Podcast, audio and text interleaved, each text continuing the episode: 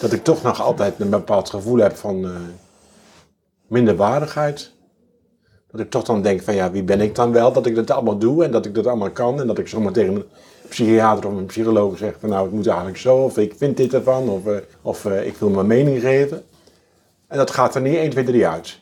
En dat heb ik meegekregen, die keer dat ik opgenomen ben geweest. Dat je dan afhankelijk bent van zorg. En ook wel op een bepaalde manier gekneveld wordt. En dat vind ik in, de, in, in, het, in het werk met collega's. Heb ik daar wel eens last van. Dan denk ik van ja, wie ben ik nou eigenlijk om dat te zeggen? En uh, doet er wel toe wat ik doe. Dan is dat een soort basisidee.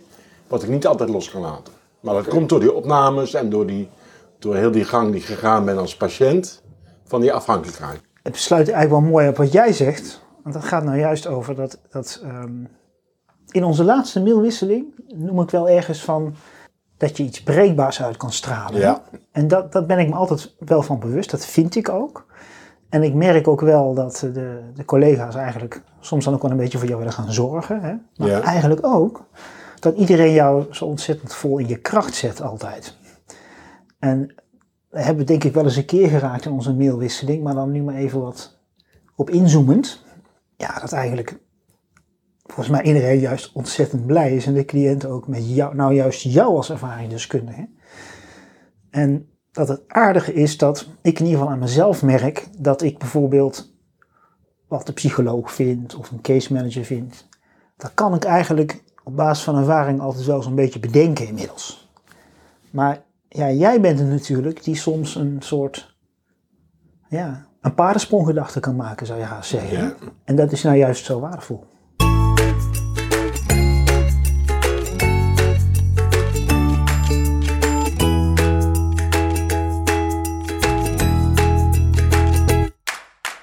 Roland Hoven. En ik ben nou sinds, ik ben sinds 2006 psychiater. En ik werk ongeveer sinds een jaar of tien voor dit vakteam. En dat combineer ik met het zijn van uh, een van de geneesche directeuren van Breeburg. En voor ik in dit vakteam werkte, uh, heb ik gewerkt voor de crisisdienst. Gecombineerd met toen nog het ACT-team. Dat heb ik toen eigenlijk met dat team echt mee mogen opzetten vanuit uh, Breeburg. Dat begon toen net in 2006. Dus ik heb eigenlijk altijd in die, uh, in die sociale psychiatrie bewogen. En die Ja. moeilijke, wat moeilijker uh, uitdagende mensen, hoe je het wil noemen. Dus dat heb ik altijd heel leuk gevonden. Ja. En daar zit ook uh, mijn kracht en daar werk ik nou nog steeds in eigenlijk dan. Hè? Ja. Ik ben eh, John, ik ben ervaringsdeskundige. Ik werk sinds 2009 bij uh, GGZ Breeburg. Eerst met een andere psychiater, een emine- eminente man. Hij had ook grijze haar en zo. Dat was een hele em- eminent, zo noem je dat, hè? Eminente. Eminence crisis. Eminente crisis, ja. zo helemaal zo. Ja. En dan kwam eh, later dan eh, Roland als eh, psychiater hem aflossen. Dus dat was een hele andere. Ik heb de MBO Zatkin gedaan aan, aan, eh, in Rotterdam voor de ervaringsdeskundigen. En de HBO Avans Hogeschool hier, hier in Breda, sociaal-pedagogisch hulpverlener. Ik heb voor het HEE-team gewerkt bij Wilman Boevink in de beginjaren van 2000. En zo heb ik me een beetje doorontwikkeld.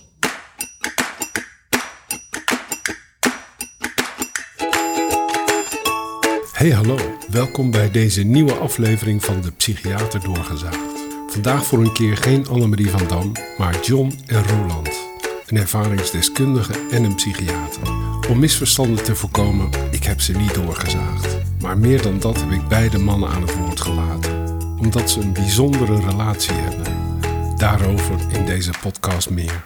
Ze hebben zich al uitgebreid aan jou voorgesteld. Voor de opnames ben ik twee keer naar Breda gereden en ja, inderdaad, met vier verschillende microfoons. Dat verklaart wellicht dat de opnames soms een iets andere feel hebben. En er zat ruim een half jaar tussen die twee opnames. Even goed, die twee mannen en collega's schrijven elkaar al langere tijd brieven. Prachtige brieven. Dus hoog tijd voor een podcast. Veel plezier.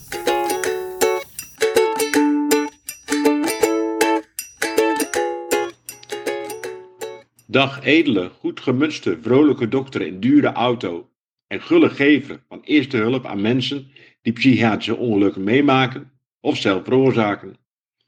Roland, te knap dat je alles weer hebt opgepakt na het trieste overlijden van je moeder.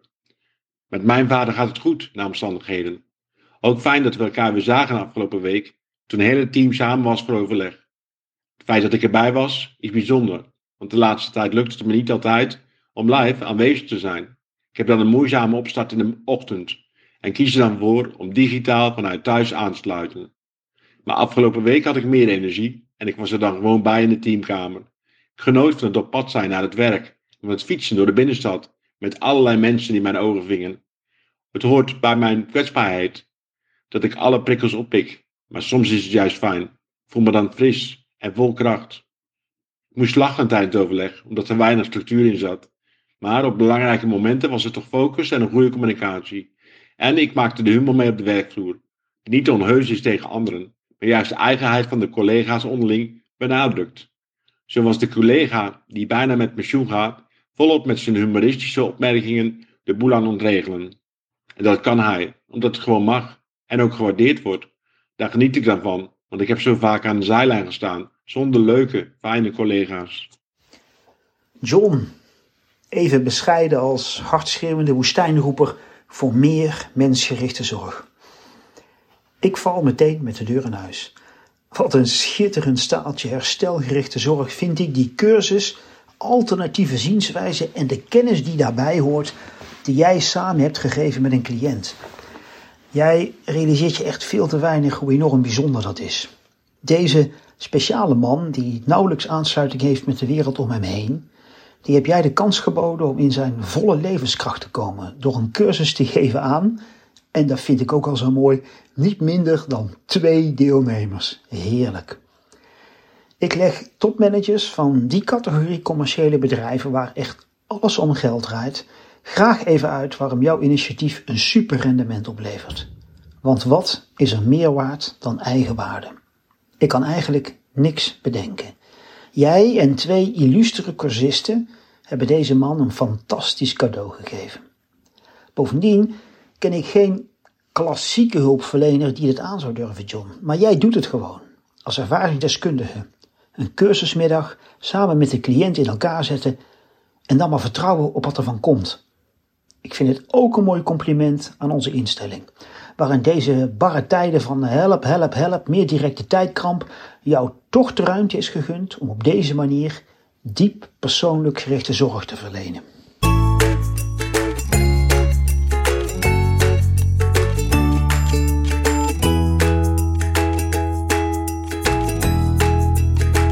Tenminste, ik denk dat wij allebei veel te zelfbewust wel goed aanvoelen. Even los van wat je ervan vindt, je hoeft het niet mee eens zijn. Je, zelfs het, het, schrijven mag je niet aan, dat is allemaal goed hè. Maar dat het initiatief um, alleen maar aan te moedigen is, ja, dat lijkt me helder. Redi redigeren jullie elkaars brieven? Nou, niet echt. Maar, nou, dat is allemaal heel kort. Hè? Ja. Dat gaat over een zin die niet loopt of zo, hè? maar niet, niet echt. Niet inhoudelijk. Niet. Je stuurt iets en je weet zeker, nou, die gaat geplaatst worden. Ja, dat weet ik zeker dat die geplaatst gaat worden, maar ik doe het wel. Uh, uh, het komt, komt uit mijn hoofd, ik type het, ik stuur het op. En dan doe ik nog, dan heb ik bijvoorbeeld, bijvoorbeeld uh, bepaalde spreekwoorden staan er niet goed in. Of, of staat net een woordje dat ik denk van ja, als ze dit gaan lezen, dat, dat, dat is niet zo spannend. Dus dan doe ik ja. net weer iets Ja. anders. Je geeft elkaar een paar dagen om een beetje te schuiven met woorden. Ja, Ja. Ja. Ja. Oké. Ja, maar van de week was je ineens snel, hè? Even, even, en toen vrijdag kwam er ineens op. Wanneer was het? Maandag? Maandag Ja. was het. ja, Ja. klopt. Want hij heeft ook wel eens gezegd dat hij een writersblok had. Ja. Heb je, ook, heb je dat gelezen? Nee, heb ik niet gelezen. Ja, in dat stukje vond ik heel mooi hoe John en ik een heel ander brein ook hebben. Ja. Want in dat stukje komt dan eigenlijk naar voren dat ik eigenlijk hoe onze stukken verschillend tot, standpunt, tot stand komen ook zo fascinerend vind. Van John heeft gewoon een voortdurende maalstroom aan ideeën en zo. En die gaat dan gewoon eigenlijk aan de slag. Ja. En ehm, ik ben toch veel meer eh, wel overwogen. Ik weef echt eerst zo'n stuk en dan zet ik hem op papier, zou ik maar zeggen. Dus toen zei ik tegen jou van ja, dat is typisch zoals het bij jou werkt. Jij Ja. duwt het er in één keer uit. En, ehm, en dan, en dan ik, ik moet er meer over nadenken. Dus toen ik zei dat ik een keer een writersblok had, toen moest John echt, en dat heb ik hem eigenlijk maar zelden zien doen, echt minzaam lachen. Dat vond hij echt, Ja, echt totaal onbegrijpelijk Ja. hoe je een writersblok kan hebben. Want. John stroomt natuurlijk over van ideeën. Dus dat was heel grappig. Maar later begreep ik het beter. Ja. Als ik een stuk schrijf, dat, komt- dat komt dan wel een beetje, denk ik, door je professionele achtergrond, die academische opleiding. En, en toch ergens ook wel dat ik, ik, kijk, ik kan het niet allemaal niet zo hyper associatief en, en los zoals jij dat doet. Bij mij gaat het dan toch een beetje door die filter heen. Van eh, zoals je ook iets zou schrijven voor je kunstgeschiedenis Ja. of voor je. Of ik schrijf natuurlijk heel vaak meer beleidsmatige dingetjes of andere of, of officiële stukken of weet ik veel. Hè. Dus, en dat vind ik dan heel grappig. En dat manifesteert zich toch een beetje in hoe ook onze creatieve stukken eh, tot stand komen. Ja. Die gaan bij mij toch een beetje door dat denkhoofd. En die gaan bij jou door een gevoelshoofd. Ja. En dat het dan toch allebei leidt tot iets wat bij elkaar past. Ja, dat is leuk, Dat hè? is leuk.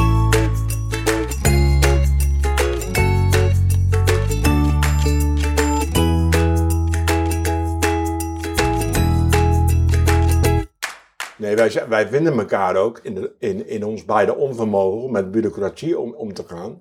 Hè, bijvoorbeeld dat ik bepaalde dingen moet doen, moet rapporteren. Ja. En ik, ik doe dat helemaal verkeerd. Of ik doe, eh, ik doe een eh, productcode type helemaal verkeerd, waardoor de secretaresse flipt. Ja. En dan heeft Roland ook heel sterk dat van ja, eh, eerst de mens en dan de bureaucratie. Hmm. Dus daar hebben we wel eens grappen over. Pas geleden hadden we een, een, een indeekgesprek met een, met een ehm, met buitenlandse mensen. Ik weet niet eens waar ze vandaan komen. Maar dat ging helemaal goed en perfect en we vulden elkaar aan. Af en toe zei ik wel tegen Roland back to business. Want eh, Roland ging helemaal los in de empathie en Het begrip. was gewoon echt een super gesprek. Ja, het was er was alleen maar één probleem. Ja, Uh, we hadden niks eigenlijk. We hadden, we genoteerd. hadden geen go- goede formulieren ingevuld. Dus de secretaresse zei dat was We natuurlijk hadden niks bureaucratisch gedaan. Dus toen, en toen kwam het later uit dat, dat, dat de collega's daar helemaal niks mee konden. Maar er waren geen papieren, er was helemaal niks. Maar de cliënt was tevreden. En die kwam de dag later om zijn depot. Dat wisten de collega's ook niet. Dat was ook een hoop gedoe. Nou maken we dat wel in orde. Hè? Want kijk, ik vind ook oprecht wel. Ja. zoiets- kijk, de papieren, een heleboel dingen vind ik onzin. Ja. Dat onze bevindingen, wat we gevonden hebben Ja. van die mensen, dat moet natuurlijk wel in het dossier komen staan. Dat was denk ik ook niet het probleem. Maar er hoort een heleboel andere ja, papieren en identiteitscheck. Ja. daar zijn wij niet zo van. Want dan moet je ook dan moet je zeg maar iemand zijn, zijn BSN-nummer weten. Dan moet je zelfs nog het type nummer van, van, het, van het paspoort of van de identiteitskaart moet je invullen. Dan moet je daar een wink bij zetten. Dan moet die andere daar een wink, bij zetten. Dus dat is vreselijk bureaucratisch. Ja. En ik had die papieren wel, want ik was wel bij een andere intake ook geweest. Maar we waren zo in gesprek en ik had ook zoiets van, oh, het is overgedragen. Oh, die papieren zijn er al, weet je wel. Zo naïef was ik. Ik denk, die papieren hebben we allemaal al, want er was Ja. iemand van een andere, andere regio. Ja. Ik denk, nou, die, die hebben wij.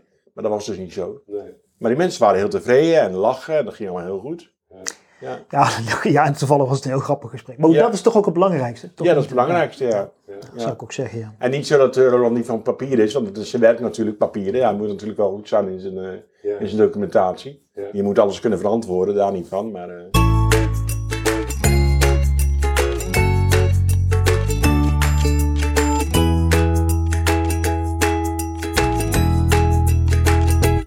Zijn jullie nou, behalve collega's, daagt er, gloort er ook iets van vriendschap? of niet? Ja, ik, Ja, ik, ik, ik noem altijd het woord werkvriend. Maar, maar dat zeg ik eigenlijk, dat zou ik voor andere collega's dan ook bedenken. ja, Ja, ja. Ik, eh, Dat is dan, ja, maar ik voel echt een vriendschappelijke band tussen ons. Ja. Maar, de- maar dat is ook wel door die mailwisseling natuurlijk heel erg versterkt. Want ondertussen hebben we toch, kijk, je schrijft het, je, het wordt eigenlijk op de eten gepleurd, maar je schrijft het toch naar elkaar. ja. Je aanhef, ik, ik schrijf in de intimiteit naar John. Ja. En hij naar mij en het is mooi als andere mensen het lezen. Ja, ja. Dus, maar het heeft zeker onze, onze, onze band verstegend. ja. Ja, daar moeten wij om lachen, want wij vinden dat een beetje Amerikaans of zo. Want, want, Oh. want, want, want wij kunnen heel goed overweg. Maar ik ben me heel bewust van het feit dat Roland, eh, dat dat een collega van mij is en dat hij werkt als psychiater. En dat, hij een- dat ik een andere rol heb als Roland. Maar als mens mag ik hem natuurlijk ontzettend graag. Maar het blijft Maar- toch altijd, kijk, het, het, het blijft toch, het, het kan voorkomen dat Roland een hele andere idee heeft over een cliënt dan ik.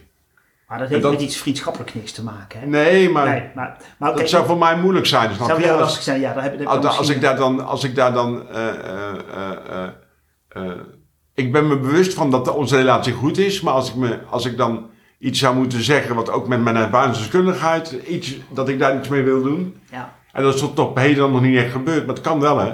ja, maar ook eens heeft over de persoonlijke verhoudingen. Denk ik. Ja, de persoonlijke verhoudingen zijn goed. Ja, En, en Kijk, ik, wij moeten er ook een beetje om lachen, omdat we inderdaad dit gesprek, we hebben het hier met z'n drie al eerder over gehad. En toen hebben we de vorige keer het woord, het, woord werkvriend genoemd. Ja, En dat vonden we, daar hebben wij met elkaar achteraf over gesproken. Natuurlijk een beetje een gekunsteld woord. ja, Maar het is net zo gekunsteld om te zeggen, eh, en weet je, wij zijn eigenlijk allebei mannen die ook niet. ehm, eh, kijk, als je nou allerlei groots en meeslepende en veelal vriendschappen hebt als individu, ehm, dan is dat ook wel anders. Maar dat hebben wij allebei nou toevallig niet zo. nee, Eh, en dat maakt ook dat het woord vriendschap voor ons een heel groot woord Ja, is. ja. Maar wat ik wel merk aan ehm, hoe vriendschappelijk wij zijn, ook in het werk, ja, en dat vind ik eigenlijk altijd heel leuk, is als we hier door het, plan, door het pand heen dachteren, Ja. dan, dan struiken je natuurlijk over de collega's. Maar als wij elkaar tegenkomen, Ja. dan ontstaat er meteen iets. Hè? Dus Ja. dan zie je, er ontstaat er meteen iets,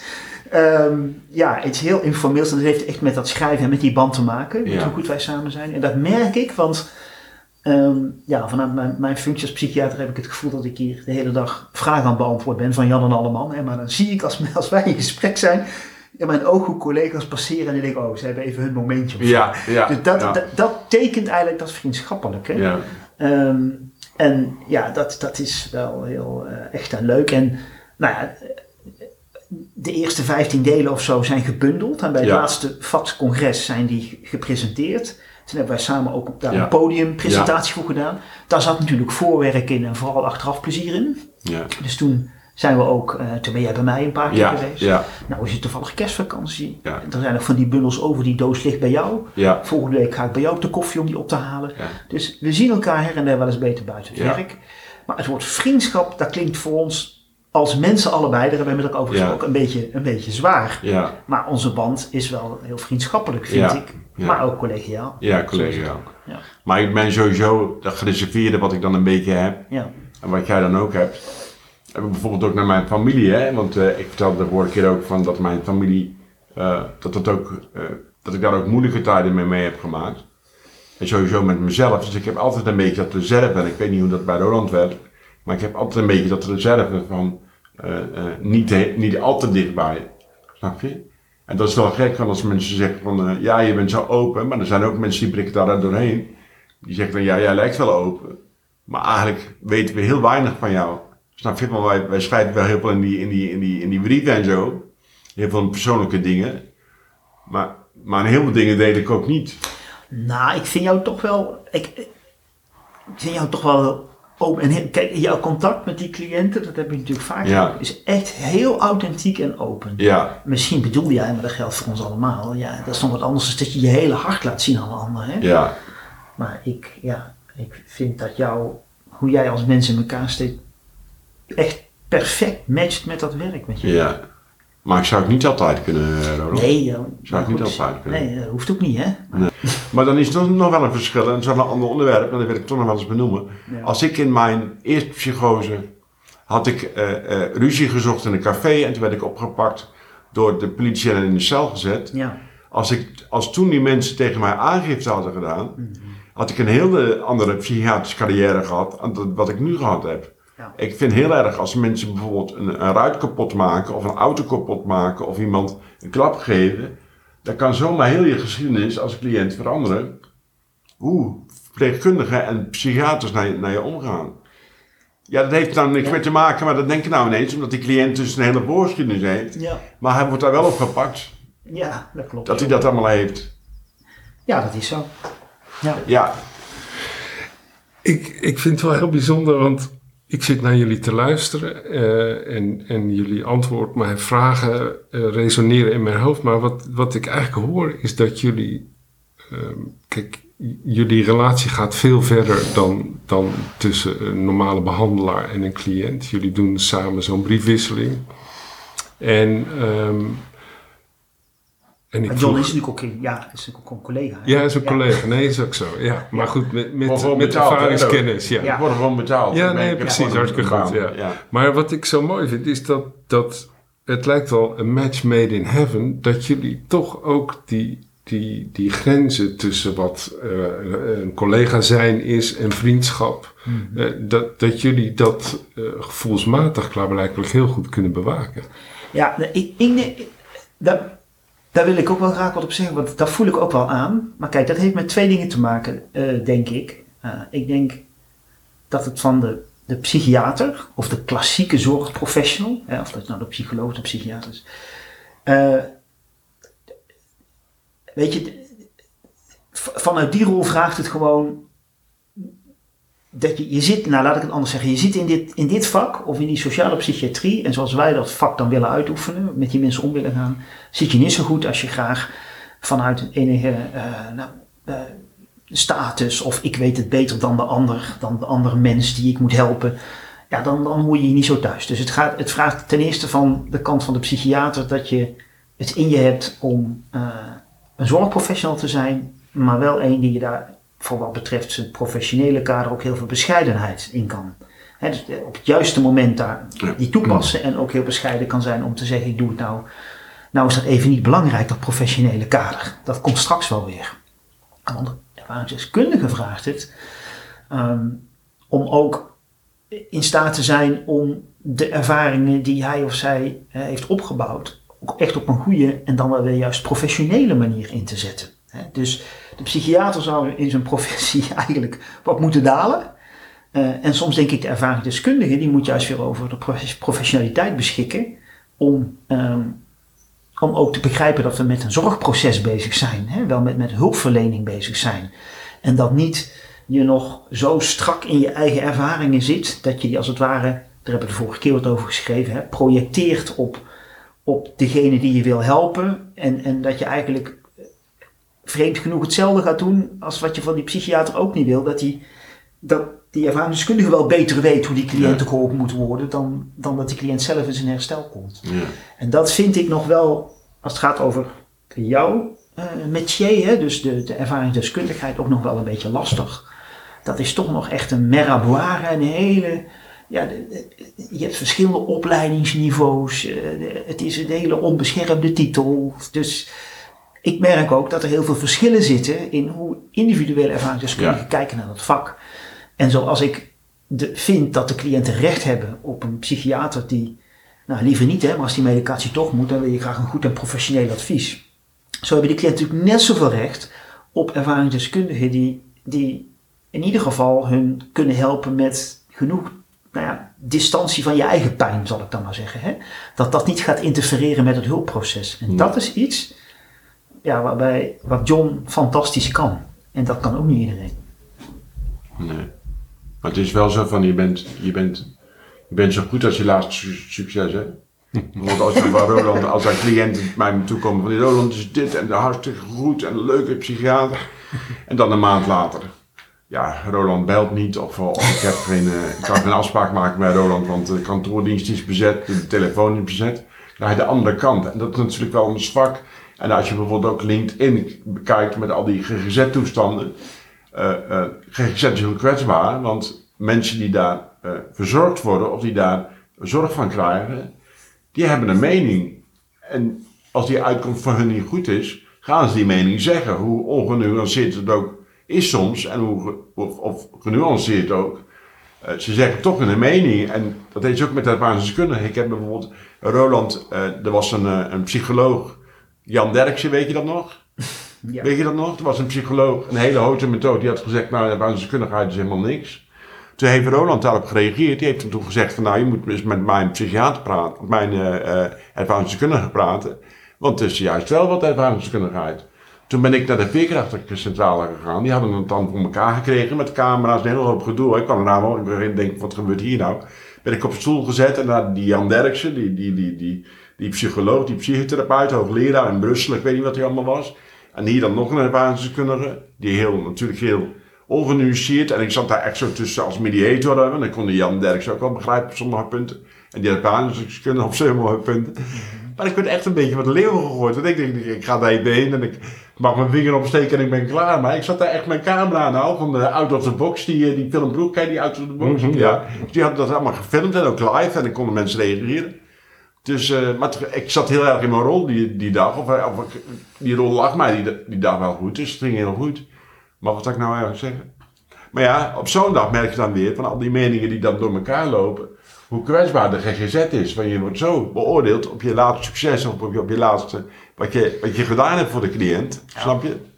Ja, en ik denk ook bij die Jan, bij die Jan Derks was denk ik zo. Dus dat is echt nog wel een beetje eh, onaardig gezegd oud denken, denk ik. Ja. Dus, want hij dacht dat de basiskundige helemaal niks was. hè? nee, hij, hij was er dan heel negatief over. Maar ik denk ook niet dat hij veel ervaring heeft met, ervaring, met, Nee. met werken met ervaring. Dat is natuurlijk wat over gaat. Maar, maar het is... ehm, ehm, ja, goed. Ja, het, het, het klopt, het klopt wel wat, denk ik, wat Roker zegt. Het moet wel goed passen. En Ja. bij, bij ons past het toevallig goed. Ja, Dat is wel een gelukje. Ja, Ja. match made in heaven. Ja, ja. ja. maar die Ja. uitkomst dan, heb jij dan nooit dat jij, als er een uitkomst is en de cliënt bijvoorbeeld, bijvoorbeeld boos of een cliënt is Ja. ontevreden.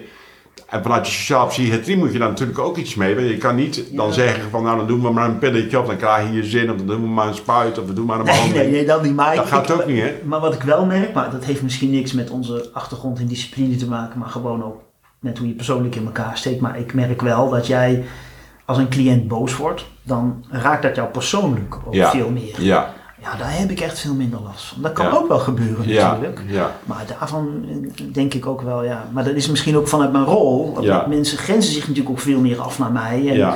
Als het dan moet, ben ik natuurlijk de man met de kwaaie boodschap soms. Ja. hè. Dus, dus dat is ook het schild wat ik een beetje heb opgebouwd. Maar dat glijdt wel echt van me af eh, vaak. Ja, maar ik, cliënten kunnen wel het bloed onder mijn naast vandaan halen. Oh, zo, ben, ja. jij die, ben jij die basiskundige? En, Ja, eh, zo, ja. Oh, jij, jouw collega's zijn niks en jij werkt in een team van niks. En dat Ja. weet je wel zo. Ja, in het begin schrok ik daar vreselijk van. Nou, schrik ik daar niet meer van. Nee. Maar dat, dat is wel, dan wordt het ook heel persoonlijk. Ja. Hè? Maar dan kan ik je troosten met de gedachte dat, ik bedoel, dat is extra confronterend, denk ik, voor de ervaringsdeskundige om zo gedevalueerd te worden. Maar ik krijg ook wel eens wat eh, negatieve opmerkingen Ja. richting mijn discipline Ja. toegeworpen. Ja, En, eh, en ik vind ook, eh, ik probeer wel altijd, ik, ik kan heel vaak trouwens de boosheid van de cliënt best goed begrijpen.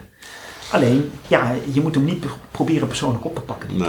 Ja, dat, dat, dat, lag een tipje van mijn tong. Net, jij zei het, John, over de GGZ en LinkedIn en wat er allemaal gezegd wordt. En toen dacht ik, nou, als de helft waar is van wat daar gezegd wordt, dan is het al erg genoeg eigenlijk. Ja, ja, ja. Ja. ja. Hè? Ja. ik had vorige week een gesprek met eh, Remke van Staveren, psychiater, en Annemarie van Afbouw van medicatie. Ja, over haar boek Minder Slikken. Ja. Veel minder. Ja, En eh, daar schoot ik enorm uit mijn slof. Want ik zei, ja, als de helft waar is van wat, Ja. jij, eh, wat er in jouw boek staat, dan, dan mogen we die mensen dat helemaal niet meer geven. Ja, Ja, maar weet je, dat- Rooks, daar ben ik het helemaal mee eens. Maar nou, nou goed, en wij zitten hier, we zijn vandaag heel gezellig met z'n drieën bij elkaar. Hè? En wij hebben denk ik, wij hebben een bepaalde kijk die, die, die dan nog misschien niet altijd GGZ breed gedeeld wordt. Hè?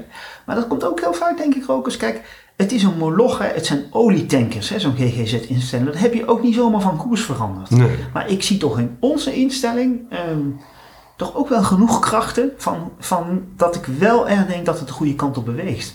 Maar het is niet zo'n makkelijk proces. Nee, maar nou ja, laat ik zo zeggen, jullie zijn het levende voorbeeld. Ik bedoel, ik heb verder niet veel gezien van jullie organisatie, maar als dit kan, denk ik, nou, eh, want eh, dat moet ook nog langs een communicatieafdeling van Oh, jullie jee. PR. En eh, ja, hoe gaan we er dan mee om? Ja. En, en dat is jullie gelukt, dus ja. Ja. En ik, ik neem aan dat ze niet elke keer gescreend worden, deze briefwisselingen, of wel? Nee, maar het- eh, wij hebben ook niks voorgelegd in. GGZ Preburg hoor. Het is, dat doen wij op persoonlijke eh, Ja. titel immers. Ja. En, eh, maar daar gaat ook niemand in deze instelling een probleem mee hebben, denk ik. En ik denk dat als ik het een verkeerde zin zou zeggen, of ik zou door de bos schieten, dat Roland het wel zou zeggen. Maar, maar we- wij- En dan moet je niet die rol weer gaan terug. ja. Ja, maar nee, maar als het over de grens gaat, dan, dan kan ik dat zo beschrijven, en denk bij Roland ook wel, maar dan kan ik dat zo beschrijven dat het niet over de grens gaat. Nee, maar kijk, het gaat veel meer om. Kijk, als je, ik vind dat je ook over de instelling waar je zelf werkt, Ja. daar mag je best wat van vinden. Hoeft niet alleen Ja. maar eh Hosanna te zijn over het een geweldige instelling. Maar je moet natuurlijk dan, hè, als je gewoon op een integere manier iets, iets vindt, hoe iets Ja. anders zou moeten in je eigen instelling of binnen de GGZ, dan moet het ook, dat is ook een beetje de tijdsgevricht. Iedereen wordt altijd zo boos op elkaar, maar dat hoeft ook allemaal niet, hè? Ja, jammer hè? Ja, dat is best wel jammer. Dat gediscussieerd op LinkedIn. ook. ja, ja, ja, ja. Ja. Ja. Zegt John, heeft het gesprek geraakt aan iets eh, waar jij op gehoopt had? Ja, ik denk het wel. Maar ik denk dat we, nou, we zouden misschien nog wel een uur verder kunnen praten. Ja. Want, want er zijn zoveel onderwerpen, ik bedoel dan ook niet GGZ op LinkedIn, maar allerlei onderwerpen in de maatschappij. eh, eh, eh, eh, Stigma, anti-stigma hebben we niet over gehad. Ja, of stigma, of mensen die, die suïcidewensen hebben, wat nou heel veel bespreekbaar wordt. Ja. Ja, dat zijn ook, hè, wat Roland dan zegt, op die denkers zo'n su suïcide spreken, hoe dat in de maatschappij gaat, is ook al een hele ommekeer. Hè? Het is gewoon goed dat het bespreekbaar is. Ja, want eh, ik denk dat ons schrijven nog wel eens zal bewegen, nog wel iets meer richting het stigma. Dat vind ik ook heel Ja. heerlijk. Het stigma Ja. erbij. Ja, En zelfstigma. Zelfstigma. ja. Ook heel moeilijk, ja. Dus eh, ja, daar is. Maar weet je of dat je het nou zo in het klein zoals John en ik het doen, of ik. Of, eh, maar het is natuurlijk. eh, of de podcast die jij maakt, Robert, maar het is, het is toch hartstikke goed om met elkaar. eh, met ideeën te blijven bestuiven van hoe je denkt dat, eh, dat zorg voor, voor die moeilijke groep cliënten eruit ziet. Die gewoon Ja. moeilijk hebben in het leven. Ja. Maar dat, dat, raakt mij echt, dat kan ik echt denken. We hebben nou net kerstdag de terug. We zitten hier op de fameuze derde kerstdag die niet bestaat. Maar dan denk ik, ja, schaam me maar eens dood hè, hoe ik kerst gevierd heb. Hè. Ja, het is net over gehad, hè, maar het is Ja. allemaal, ja. Maar ja, ik weet dat een deel van onze cliënten alweer zorgen maakt over de energierekening of zo. Hè. Dan kan ik dan ook wel echt denken van, ja, Nou, mijn laatste werkdag, voordat, voordat we hier, we hadden hier een kustlunch en die dag daarvoor was ik bij een cliënt geweest en die had geen verwarming en geen warm water. Dus ik heb daar allemaal voor lopen bellen. Toen zei ik de volgende dag willen jullie even kijken, even vragen door de intercom of hij het dan, dan heeft die verwarming niet voor water. Had hij het nog niet. Daar baal ik dan zo van. Ja. Ik kan er echt aan dat ik denk, Nee, van, ja, dan zit ik hier kerst te vieren en hij zit daar in de kamer. Ja, en vanmorgen hadden we het erover en heeft het nog niet. Hè? Dus, Nee. dus het blijft, eh, ja, dus, het- dus het, blijft, blijft wel een doelgroep waar wij mee werken. Wat je dus ja, met verhalen die je wel blijven raken dan. hè? Ja. ja. Ja, nou ja, ik persoonlijk vind dat er heel veel ten goede is gekeerd Ja. in de GGZ. Ja. Het kan echt nog veel beter. Ja. Eh, dat zeker. Eh, maar ik, ik denk dat een gesprek zoals wij hier nu eh, voeren, dat was echt twintig jaar geleden niet mogelijk Nee, geweest. dat denk ik ook niet. Nee. Dus, nou, ik wil je ontzettend bedanken voor dit gesprek. Eh, dat gaat snel, hè? Ja, je kunt ja. eigenlijk wel, ik denk wel, wel tien afleveringen eh wijden aan, aan wat, je, wat, wat er tussen jullie zich beweegt. Ja. ja, je jullie doen het. Jullie ga je doen het. Ja, ja, Wat kun je doen? ja. Nou, wij schrijven, hè? Ja, Ja. jullie schrijven, ja. dat wou ik net Ja. zeggen. Dus dat is, Ja. eh, en, en geschreven brieven zijn natuurlijk ook, eh, het, is het mooiste wat er is eigenlijk. Een Ja. brief krijgen van iemand. Hè? Ja, dat, speciaal ook, dat, hè? dat, Ja. Dat is een vergeten discipline Ja. eh, binnen Ja. het mens zijn. Ja. Ja. Ja. Ja. Ja. Nou, heel erg bedankt voor dit gesprek. Ja, Jill. bedankt. Ja, en ehm, nou, misschien kom ik nog wel eens terug. Ja. Ja. Want ik luister altijd terug eh, wat ik opgenomen heb en soms wel een half jaar later. En dan, ja, dan reizen er toch weer vragen hè, Ja. over. Ja. Ja. Ja, ik vond het heel fijn dat je de tijd van nam, uh, Rokers. ja, misschien moeten we het gewoon over een jaar nog eens doen. Eens kijken hoe jullie erbij zitten. Ja, leuk. Of er nog meer veranderd is. Ten goede. Ja, nou, tot dan ook. Je bent van harte Ja. welkom. Cheers, Dankjewel. dankjewel.